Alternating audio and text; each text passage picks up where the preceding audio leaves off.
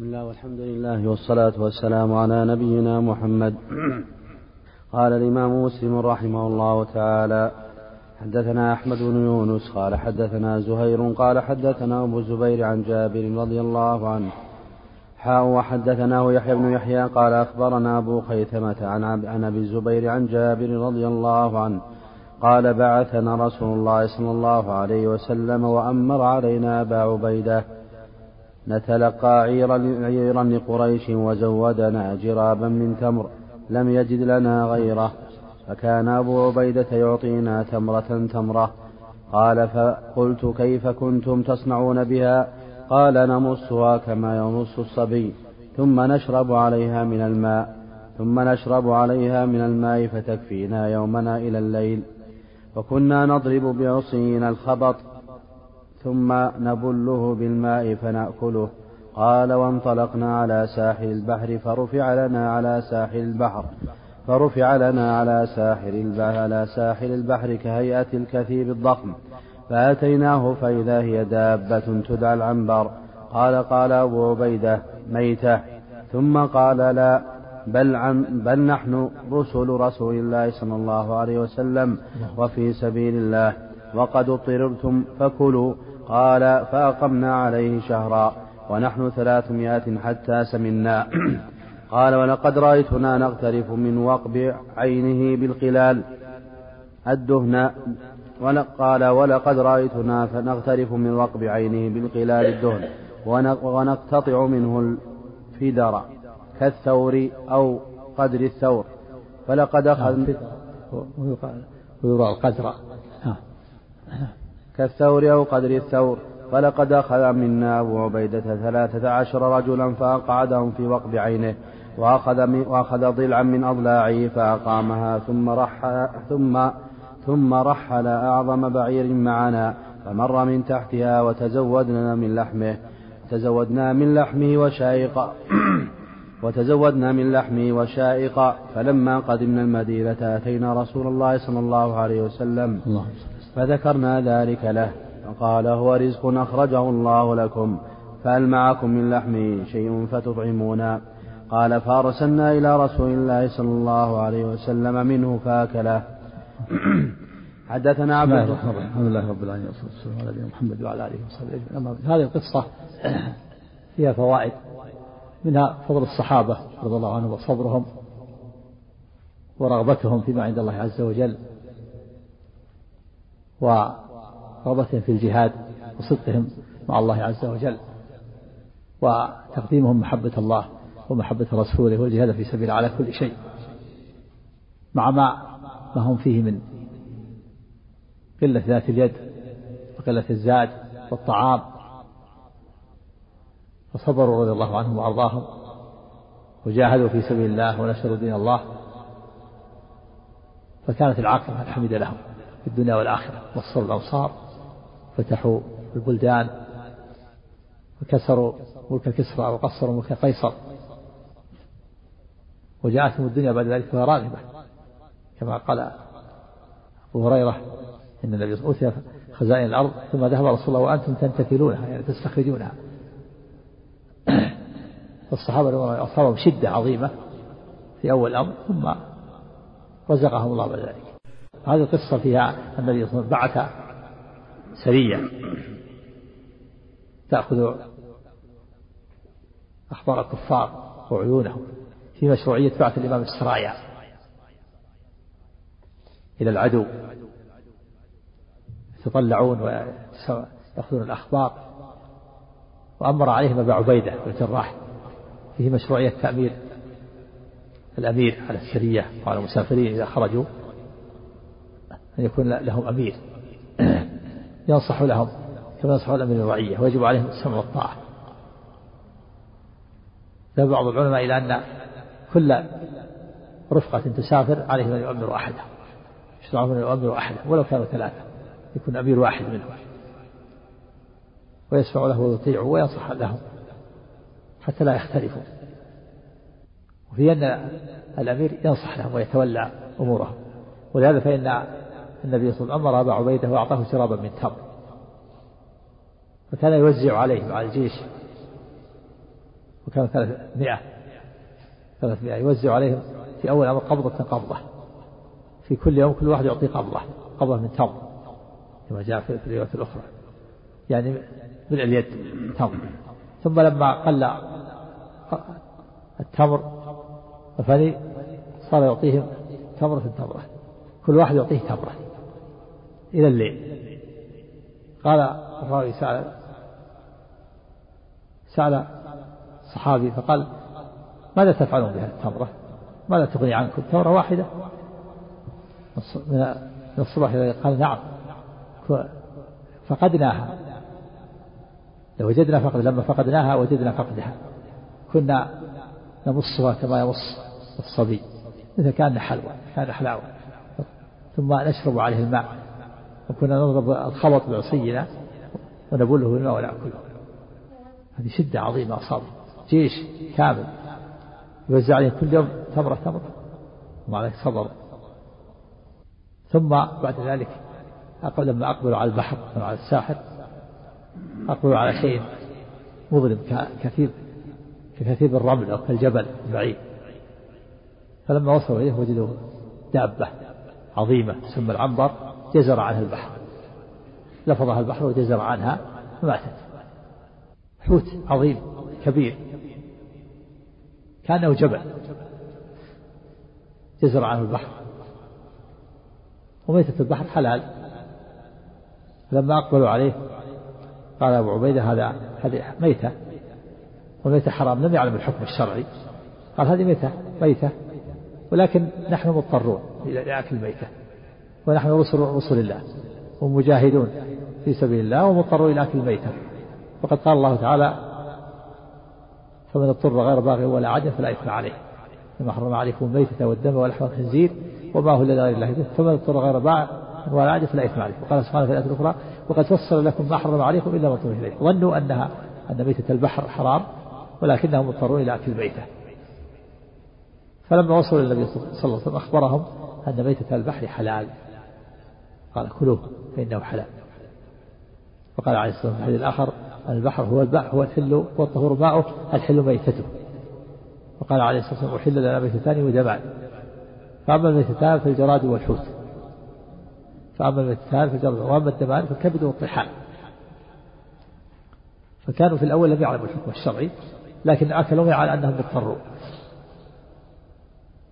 وكان هذه الدابة آية من آيات الله. العظيمة. دابة عظيمة أكلوا منه شهرا وهم ثلاثمائة. قال حتى سمنا بعد الجوع الشديد الذي أصابه. ووقف أبو عبيدة على نقب عينه ثلاثة عشر رجلا يغرفون الدلاء من السمن نقب عينه. كأنه بئر بئر. ثلاثة عشر رجل يغرفون السمن. يلقون الدلو بالحبل. وينزل في هذا في نقب العين كأنه بئر يغرفون الدلاء من السمن ولما أكلوه ووضعوا قوس ضلعا من أضلاعه مقوس الضلع فرحل أبو عبيدة أعظم بعير ووقف عليه وجلس عليه أطول رجل كما في اللفظ الآخر فمر من تحته ولم يصل. البعير مع الراكب مر من تحت الضلع المقوس. العظم مقوس ولم ولم يصل إلى إلى منتهاه. هذا يدل على أنه أنه دابة عظيمة. ولما وصل النبي صلى الله عليه وسلم سألوه قال هذا رزق رزقه الله لكم. هل معكم منه شيء؟ قالوا نعم. تزودوا منها خلوا منه شاهد فأعطوه فأكل عليه وسلم ليبين له حلة. ليطيب نفوسهم. يبين لهم أنه حلال. أكل منها عليه الصلاة والسلام. نعم. استدل بهم رحمه الله على أن البحر حلال. ليس البحر حلال لا تحتاج إلى تذكية. وسواء مات حتف أنفه أو لا. سواء مات في البحر أو خرج حية ثم مات لا يحتاج إلى تذكية. هو حلال على أي حال كان. نعم. يعني قطعة منه. يعني نعم خذ قديد. لكن يعني خذوا يعني شيء من قطع من اللحم. وكانوا يقطعون الفدر منه كالثوب. القطعة الواحدة كأن مقدار الثور القطعة الواحدة يقطعونها كالثور كالثور القطعة الواحدة كالثور الحيوان. مقدار الثور القطعة الواحدة قطعة من قطعة مقدار الثور نعم. حدثنا عبد الجبار بن العلاء قال حدثنا سفيان قال سمع عمرو سمع عمرو سمع عمرو وجابر بن عبد الله يقول بعثنا رسول الله صلى الله عليه وسلم ونحن ثلاثمائة راكب وأميرنا أبو عبيدة بن الجراح نرصد عيرا لقريش فأقمنا بالساحل نصف شهر وأصابنا جوع شديد حتى أكلنا الخبط فسمي جيش الخبط. نعم. قال أقمنا الأولى أقمنا شهرا هنا قال أقمنا نصف شهر. وفي رواية الآية أقمنا ثمانية عشر يوما وجمع بينهما أن المدة لإقامتها شهر. ومن قال نصف شهر أو ثمانية عشر ليلة ثمانية عشر ليلة أراد المدة التي أقاموا فيها عند الساحل. ثم بعد ذلك ارتحلوا من الساحل وكملوا الشهر مدة الشهر يأكلون به آه. إيش قاعد قبل ذلك قرأ عن جابر بن عبد الله يقول سمع عمرو سمع عمرو جابر بن عبد الله رضي الله عنهما يقول بعثنا رسول الله صلى الله عليه نعم في مشروعية آه، تتبع أخبار الكفار واستخبارهم وأخذها والتجسس عليهم واعتراض أموالهم وأخذها وقتلهم لأنهم الكفار الحربيين. الكفار المحاربون ليس لهم. ليس لهم أمان.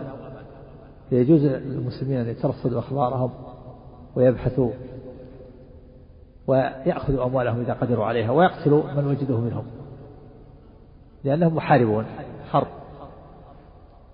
كافر الحرب غير الكافر المؤتمن. كافر الحرب حلال دمه وماله. مثل ما وجدت واحد من الكفار الحربيين فهم, فهم يجوز قتلهم وأخذ أموالهم أما الكفار المؤتمنون الذين لهم عهد وذمة عقدوها مع المسلمين أو دخلوا بأمان هذا لا يجوز قتلهم ولا أخذ أموالهم ولذا جاء في الحديث من قتل معاهدا لم يرح رائحة الجنة. فرق بين الكافر الحرب. الكافر الحرب اللي أعلنت الحرب وأعلن الحرب عليك وأنت أعلنت الحرب عليك. هؤلاء لا يجوز دماءهم حلال وأموالهم حلال. وهو اللي جرد فيه النصوص أن الإنسان لا يعينهم بشيء ولا كذا ولا ولا يبري لهم قلما ولا يفعل معهم أي شيء. ولهذا بعث بعث يتيسس على الكفرة ويعترض عيرهم والعير هي الإبل التي تحمل الطعام وغيره. يعترض وهو يأخذها إذا قدروا. نعم. بعثنا رسول الله صلى الله عليه وسلم ونحن ثلاثمائة راكب. وأميرنا أبو عبيدة بن الجراح نرصد عيرا لقريش فأقمنا بالساحل نصف شهر وأصابنا جوع شديد حتى أكلنا الخبط فسمي جيش الخبط. نعم. ف... خبط الحشائش الأرض يضربونها بالعصي ويأكلونها. نعم. فألقى لنا البحر دابة يقال لها العنبر فأكلنا منها نصف شهر وادهنا من ودكها حتى ثابت أجسامنا. قال فرجعت إلى أجسامنا نشاطها وقوتها بعد الجوع الشديد. حتى سمنا الأول أصابهم جوع شديد. كان يوزع عليهم القائد أبو عبيدة تمرة تمرة كل يوم ثم رزقهم الله هذه الدابة فأكلوا منها حتى سمنوا وعادت إليهم قوتهم ونشاطهم. ثابت أجسامهم. نعم. قال فأخذ أبو عبيدة ضلعا من أضلاعه فنصبه ثم نظر إلى أطول رجل في الجيش وأطول جمل فحمله عليه فمر تحته. قال وجلس في حجاج عينه نفر.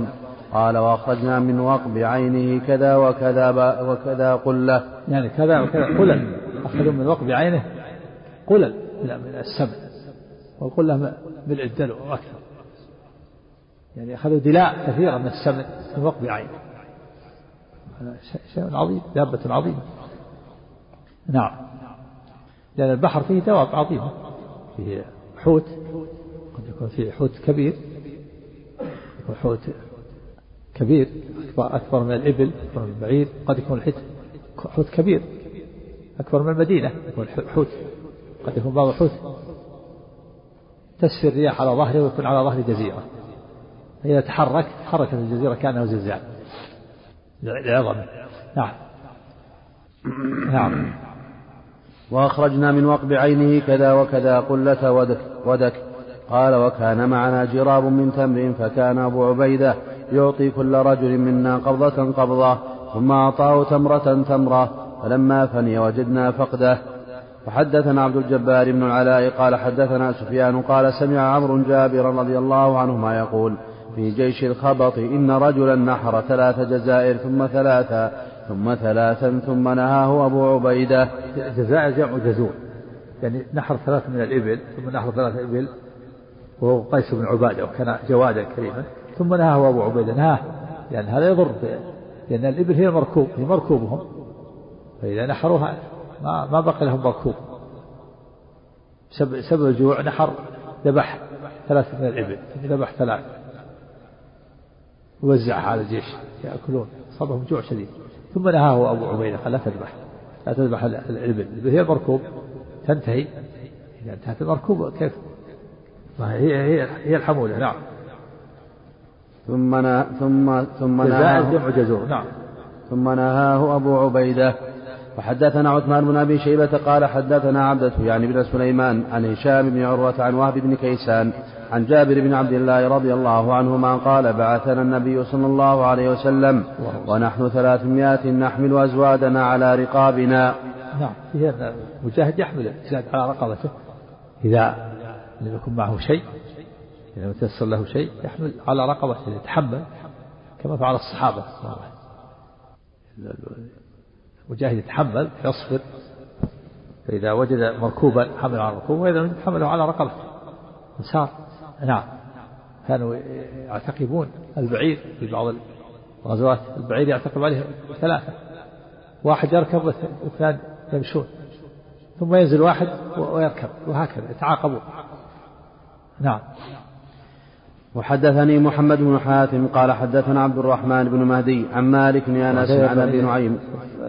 المسلم يتعود على الخشونه والقوة والشدة.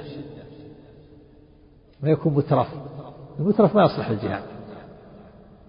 المتعود على الخشونه يروى عن عمر رضي الله عنه قال اخشوشنوا فإن نعمة لا تدوم تعود على الخشونة والشهامة وتعلم فروس ضرب الفروسية والرماية بأنواعها. تعود على الجري وعلى المشي. هكذا. ما يكون الإنسان مترف. ما يتحمل الحر ولا البرد. إذا طفى الكهرباء صار تضايق ولا يستطيع يصبر. وكما يقال الريح يجرح خديه والحرير يجرح بنانه. من الترف الحرير يجرح أصبعه والريح تجرح خديه. بل المترف ما يصلح الجهاد ولا يصلح لمقابلة الأعداء لا تعود على الخشونة والشهامة والكر والفر. والركوب والقوة وشرف العيش والجري على أنواع الرماية وضروب الفروسية ويصبر على الجوع والخشونة وقلة النوم. أما يكون إنسان مترف ويريد يتغير حاله لو نقص الطعام شيء لو لم يكن في ذلك اليوم في الطعام لحم ما, ما أكل وضاق صدره كذا تغير لو لم يحصل له كذا وكذا. ما ما ينبغي أن يكون المسلم هكذا. مسلم قوي نشيط متحمل صابر. نعم. وحدثني وحدثني محمد بن حاتم قال حدثنا عبد الرحمن بن مهدي عن مالك بن أنس عن أبي نعيم وهب بن كيسان أن جابر بن عبد الله رضي الله عنهما أخبره قال بعث رسول الله صلى الله عليه وسلم سرية ثلاثمائة وأمر عليهم أبا عبيدة بن الجراح ففني زادهم فجمع أبو عبيدة زاد فجمع أبو عبيدة زادهم. زادهم. فجمع أبو عبيدة زادهم في مزود فكان يقوتنا حتى كان يصيبنا كل يوم تمرة. نعم هذا فيه أن في أن العدد 300 وأنه أكلوا من هذا 300 عددهم وأكلوا من العنبر من دابة شهر. وفيه أن أبا عبيدة لما قل الطعام جمع ما عنده قال كل واحد يأتي بما عنده. حتى حتى يكون فيه البركة ثم يقسمه بينهم بالسوية.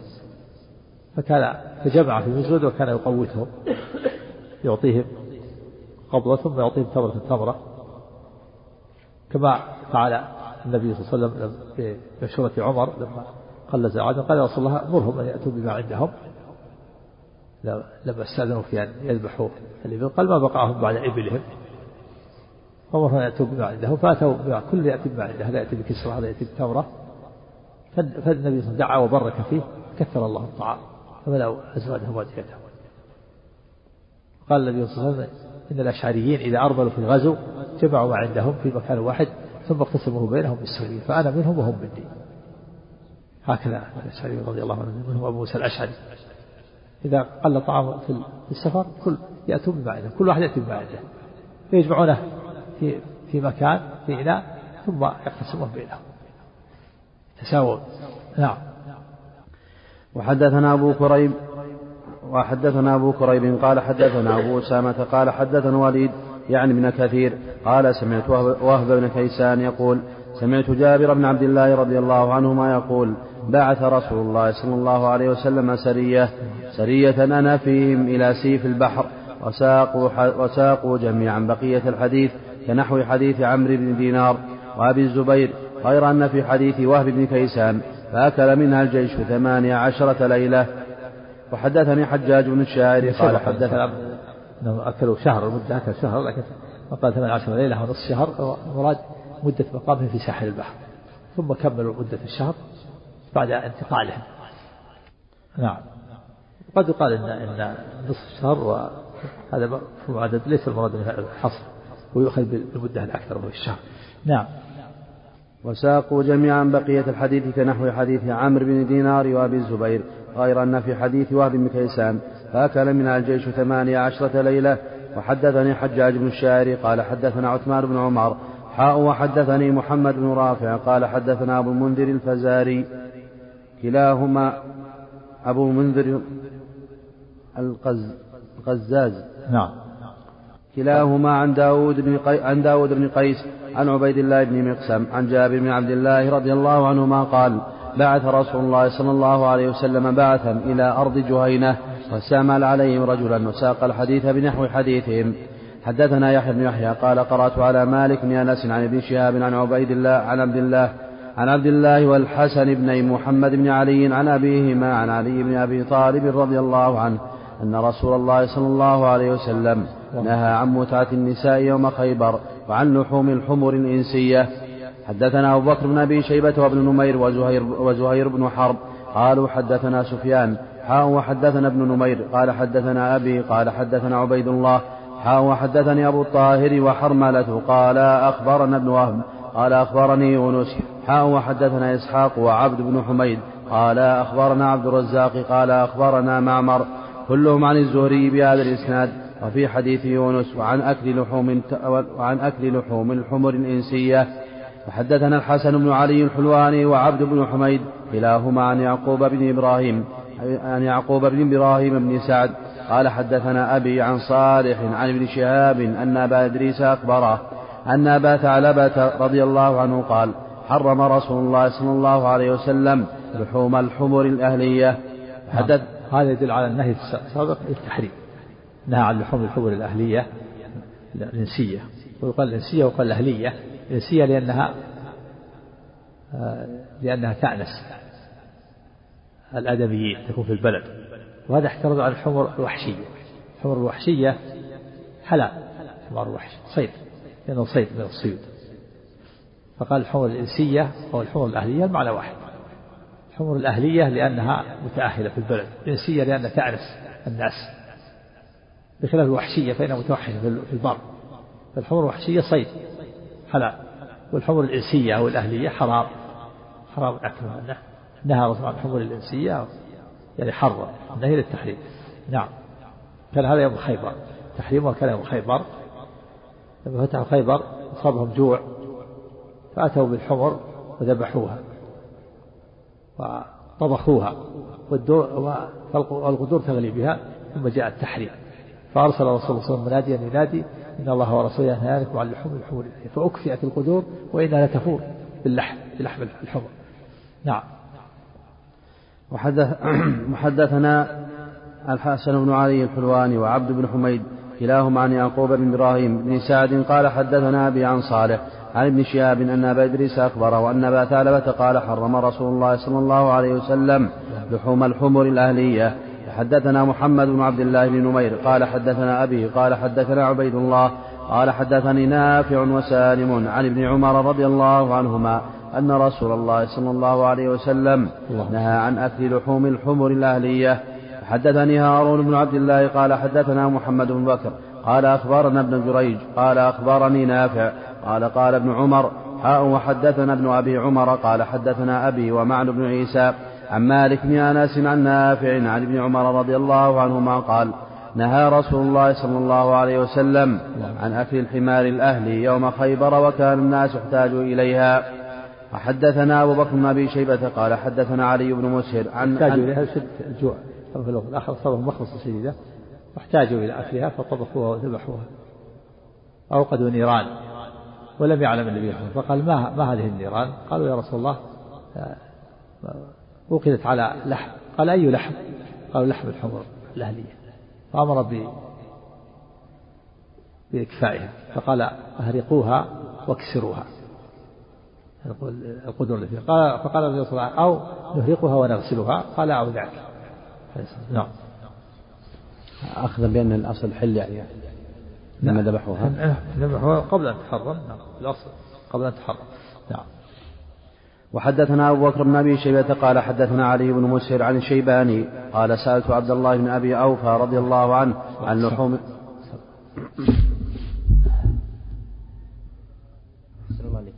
وحدثنا أبو بكر بن أبي شيبة قال حدثنا علي بن مسهر عن الشيباني قال سألت عبد الله بن أبي أوفى عن لحوم الحمر الأهلية فقال أصابتنا مجاعة يوم خيبر ونحن مع رسول الله صلى الله عليه وسلم وقد أصبنا للقوم حمرا خارجة من المدينة فنحرناها فإن قدورنا لتغلي.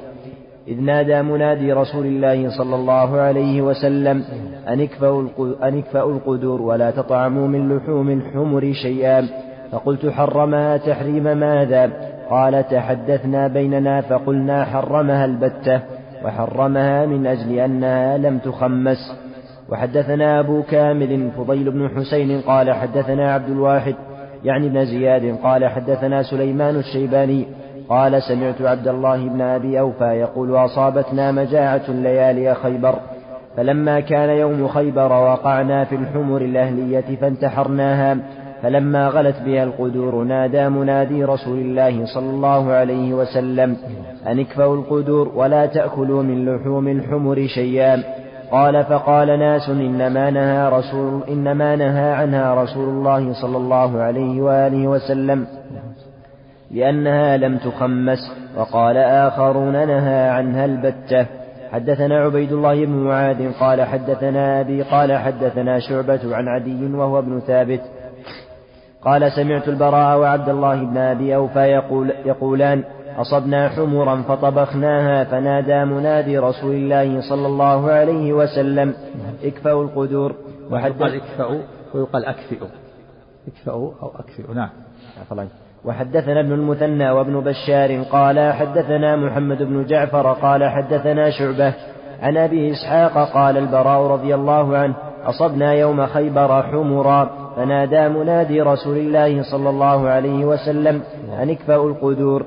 وحدثنا أبو كريب وإسحاق بن إبراهيم قال أبو كريب حدثنا ابن بشر عن مسعر عن ثابت بن عبيد قال سمعت البراء رضي الله عنه يقول نهينا عن لحوم الحمر الأهلية.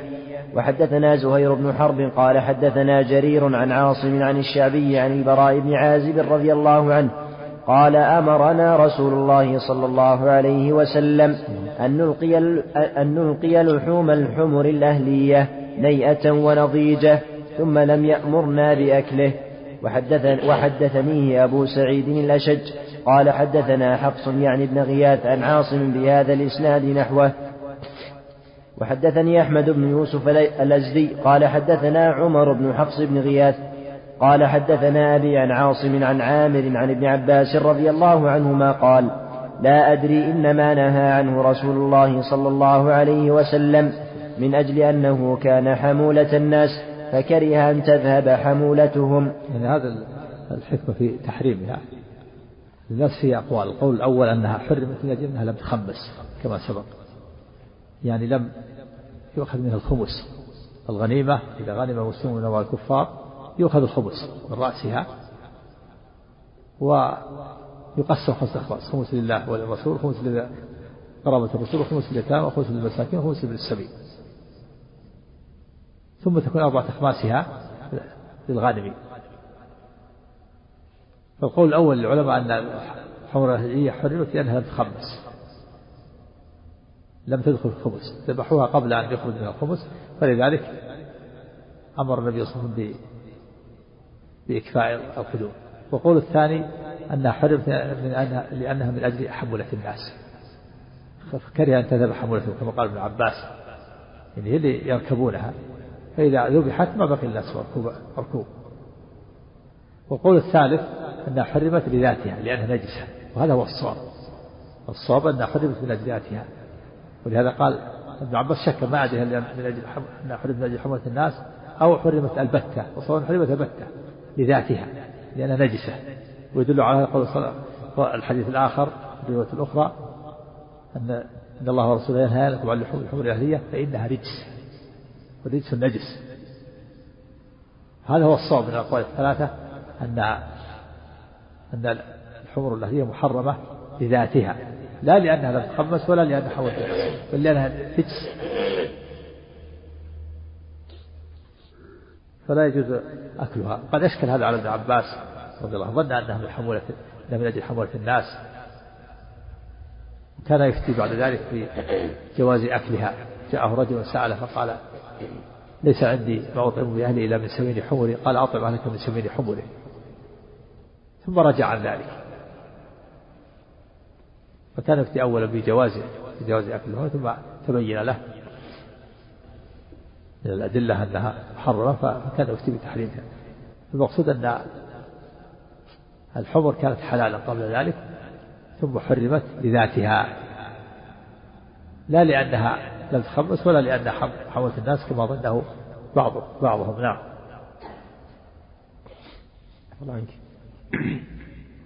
فكره أن تذهب حمولتهم أو حرمه في يوم خيبر لحوم الحمر الأهلية. وحدثنا محمد بن عباد وقتيبة بن سعيد قال حدثنا حاتم وهو ابن إسماعيل عن يزيد بن عن يزيد بن أبي عبيد عن سلمة بن الأكوع رضي الله عنه قال خرجنا مع رسول الله صلى الله عليه وآله وسلم إلى خيبر ثم إن الله فتحها عليهم فلما أمسى الناس فلما أمسى الناس اليوم الذي فتحت عليهم أوقدوا نيرانا كثيرة. فقال رسول الله صلى الله عليه وآله وسلم ما هذه النيران؟ على أي شيء توقدون؟ قالوا على لحم. قال على أي لحم؟ قالوا على لحم حمر إنسية فقال رسول الله صلى الله عليه وسلم أهرقوها واكسروها. فقال واكسروا القدور مبالغة في البعد عنها. أهرقوها يعني أهرقوا اللحم اللي فيها واكسروا القدور كسروا القدور قال يا رسول الله أو نهرقها ونغسلها لأن القدور انتهى منها فقال أو ذاك عليه الصلاة والسلام. وكان هذا جاء الوحي في الحال عليه الصلاة والسلام. نعم. فقال رجل يا رسول الله أو نهريقها ونغسلها؟ قال أو ذاك. وحدثنا إسحاق بن إبراهيم قال أخبرنا حماد فتوصل القدور لأنها لا لأن لحمها نجس. توصل من النجاسة حتى تطهر من النجاسة. نعم. وحدثنا إسحاق بن إبراهيم قال أخبرنا حماد بن مسعدة وصفوان بن عيسى حاء وحدثنا أبو بكر بن النضر قال حدثنا أبو عاصم النبيل كلهم عن يزيد بن, ابن أبي عبيد في هذا الإسناد. وحدثنا ابن وحدثنا ابن أبي عمر قال حدثنا سفيان عن أيوب عن محمد عن أنس رضي الله عنه قال لما فتح رسول الله صلى الله عليه وسلم خيبر أصبنا حمرا خارجا من القرية فطبخنا منها فنادى منادي رسول الله صلى الله عليه وآله وسلم ألا إن الله ورسوله ينهيانكم عنها؟ فإنها رجس من عمل الشيطان فأكفئت القدور بما فيها وإنها لتفور بما فيها. نعم وفيه الجمع بين ضمير الرب وضمير الرسول ينهيانكم. ومثل حديث أنس أن يكون ثلاث ما كنا في وجد بين حلاوة الإيمان أن يكون أن يكون الله ورسوله أحب إليه مما سواهما. وجاء في الحديث الآخر أن النبي صلى الله عليه وسلم خطيبا يخطب ويقول من يطع الله ورسوله فقد رشد ومن يعصهما فقد غوى. فقال بئس الخطيب أنت قل ومن يعص الله ورسوله. قال العلماء إن هذا كان أولا ثم نسخ وقيل إن هذا لأن الخطيب يحتاج إلى توسع في الخطبة ولا ينبغي له أن يختصر فلهذا ذلك وقيل إن أن هذا من باب التنزيه الأدب. الأفضل ألا يجمع وإن جمع فلا حرج. نعم. عفوا عنك. وحدثنا محمد بن منهال الضرير قال حدثنا يزيد بن زريع قال حدثنا هشام بن حسان عن محمد بن سيرين عن أنس بن مالك رضي الله عنه قال لما كان يوم خيبر جاء جاء جاء فقال يا رسول الله أكل أكلت أكلت الحمر ثم جاء آخر فقال يا رسول الله أفنيت الحمر فأمر رسول الله صلى الله عليه وسلم أبا طلحة فنادى إن الله عز وجل ورسوله ينهيانكم عن لحوم الحمر فإنها رجس أو نجس قال فأكفئت القدور بما فيها. فإنها رجس أو نجس هذا دليل على الحدود لذاتها ظن بعضهم أنها أنها من أجل أنها حمولة الناس ولذلك جاء أكلت الحمر. جاء آخر قال ثانية انتهت الحمر ما بقي حمر. فظنوا أن أنها من أجل أنها حمولة الناس. لها. لكن الحديث صريح في أنها التحرير أنها رجس. نجس بنجاستها نعم. أحسن الله عليك. وحدثنا يحيى بن يحيى وأبو الربيع العتكي وقتيبة بن سعيد واللفظ ليحيى. قال يحيى أخبرنا وقال الآخران حدثنا حماد بن زيد عن عمرو عن عمرو بن دينار عن محمد بن علي عن جابر بن عبد الله رضي الله عنهما أن رسول الله صلى الله عليه وسلم نهى يوم خيبر عن لحوم الحمر الأهلية وأذن في لحوم الخيل. وحدثنا يحيى بن حاتم يحيى بن حاتم قال حدثنا محمد بن بكر قال أخبرنا ابن جرير أخبرنا ابن جريج قال أخبرني أبو الزبير أنه سمع جابر بن عبد الله رضي الله عنهما يقول أكلنا زمن خيبر الخيل وحمر الوحش ونهانا النبي صلى الله عليه وسلم عن الحمار الأهلي. نعم. في تحريم الحمار الأهلي وحل الحمار الوحشي كان حمار الوحش وفي حل الخيل.